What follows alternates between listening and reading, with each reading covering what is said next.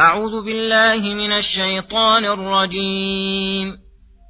إن المتقين في جنات ونعيم. فاكهين بما آتاهم ربهم ووقاهم ربهم عذاب الجحيم.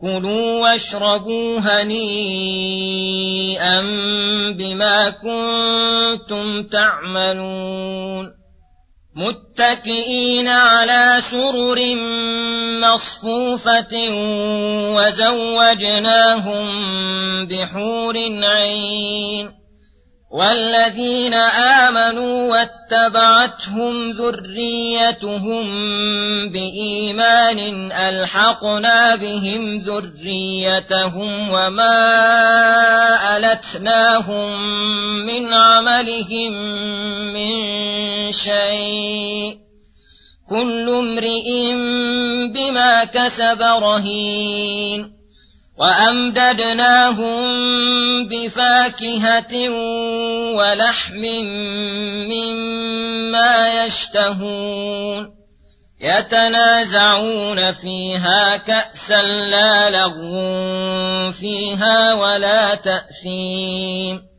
ويطوف عليهم غلمان لهم كأنهم لؤلؤ مكنون وأقبل بعضهم على بعض يتساءلون.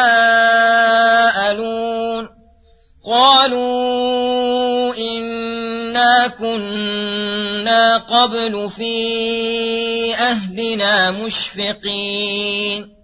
فمن الله علينا ووقانا عذاب السموم. إنا كنا من قبل ندعوه إنه هو البر الرحيم. بسم الله الرحمن الرحيم. السلام عليكم ورحمة الله وبركاته. يقول الله سبحانه إن المتقين في جنات ونعيم. الآيات لما ذكر تعالى عقوبة المكذبين ذكر نعيم المتقين ليجمع بين الترغيب والترهيب فتكون القلوب بين الخوف والرجاء فقال إن المتقين لربهم الذين اتقوا سخطه وعذابه بفعل أسبابه من امتثال الأوامر واجتناب النواهي. في جنات أي بساتين قد اكتست رياضها من أشجار الملتفة والأنهار المتدفقة والقصور المحدقة والمنازل المزخرفة. ونعيم وهذا شامل لنعيم القلب والروح والبدن. فاكهين بما آتاهم ربهم أي معجبين به متمتعين على وجه الفرح والسرور بما أعطاهم الله من النعيم الذي لا يمكن وصفه ولا تعلم نفس ما أخفي لهم من قرة أعين. ووقاهم ربهم عذاب الجحيم. فرزقهم المحبوب ونجاهم من المرهوب. لما فعلوا ما أحبه وجانبهم وجانبوا ما يسخطه. كلوا واشربوا. أي مما تشتهي أنفسكم من أصناف المآكل والمشارب اللذيذة. هنيئا أي متهنئين بذلك على وجه البهجة والفرح والسرور والحبور بما كنتم تعملون. أي نلتم ما نلتم بسبب أعمالكم الحسنة وأقوالكم المستحسنة. متكئين على سرر مصفوفة. الاتكاء هو الجلوس على وجه التمكن والراحة والاستقرار والسرر هي الأرائك المزينة بأنواع الزينة من اللباس الفاخر والفرش الزاهية. ووصف الله السرر بأنها مصفوفة ليدل ذلك على كثرتها. وحسن تنظيمها واجتماع أهلها وسرورهم بحسن معاشرتهم وملاطفة بعضهم بعضا فلما اجتمع لهم من نعيم القلب والروح والبدن ما لا يخطر بالبال ولا يدور في الخيال من المآكل والمشارب اللذيذة والمجالس الحسنة الأنيقة لم يبق إلا التمتع بالنساء اللاتي لا يتم سرور إلا بهن. فذكر تعالى أن لهم من أزواج أكمل النساء أوصافا وخلقا وأخلاقا. ولهذا قال وزوجناهم بحور عين وهن النساء اللواتي قد جمعن جمال الصورة الظاهرة وبهاءها ومن الأخلاق الفاضلة ما يوجب أن يحيرن بحسنهن الناظرين. ما يوجب أن يحيرن بحسنهن الناظرين ويسلبن عقول العالمين وتكاد الأفئدة أن تطير شوقا إليهن رغبة في وصالهن. والعين والعين حسان الأعين مليحاتها. التي صفى بياضها وسوادها. ثم يقول سبحانه والذين آمنوا واتبعتهم ذريتهم بإيمان ألحقنا بهم ذريتهم الآية. وهذا من تمام نعيم الجنة أن ألحق الله بهم ذريتهم الذين الذين اتبعوهم بإيمان أي لحقوهم بالإيمان الصادر من آبائهم فصارت الذرية تبعا لهم بالإيمان. ومن باب أولى إذا تبعتهم ذريتهم بإيمانهم الصادر منه أنفسهم فهؤلاء المذكورون يلحقهم الله بمنازل آبائهم في الجنة وإن لم يبلغوها جزاء لآبائهم وزيادة في ثوابهم. ومع ذلك لا ينقص الله الآباء من أعمالهم شيئا.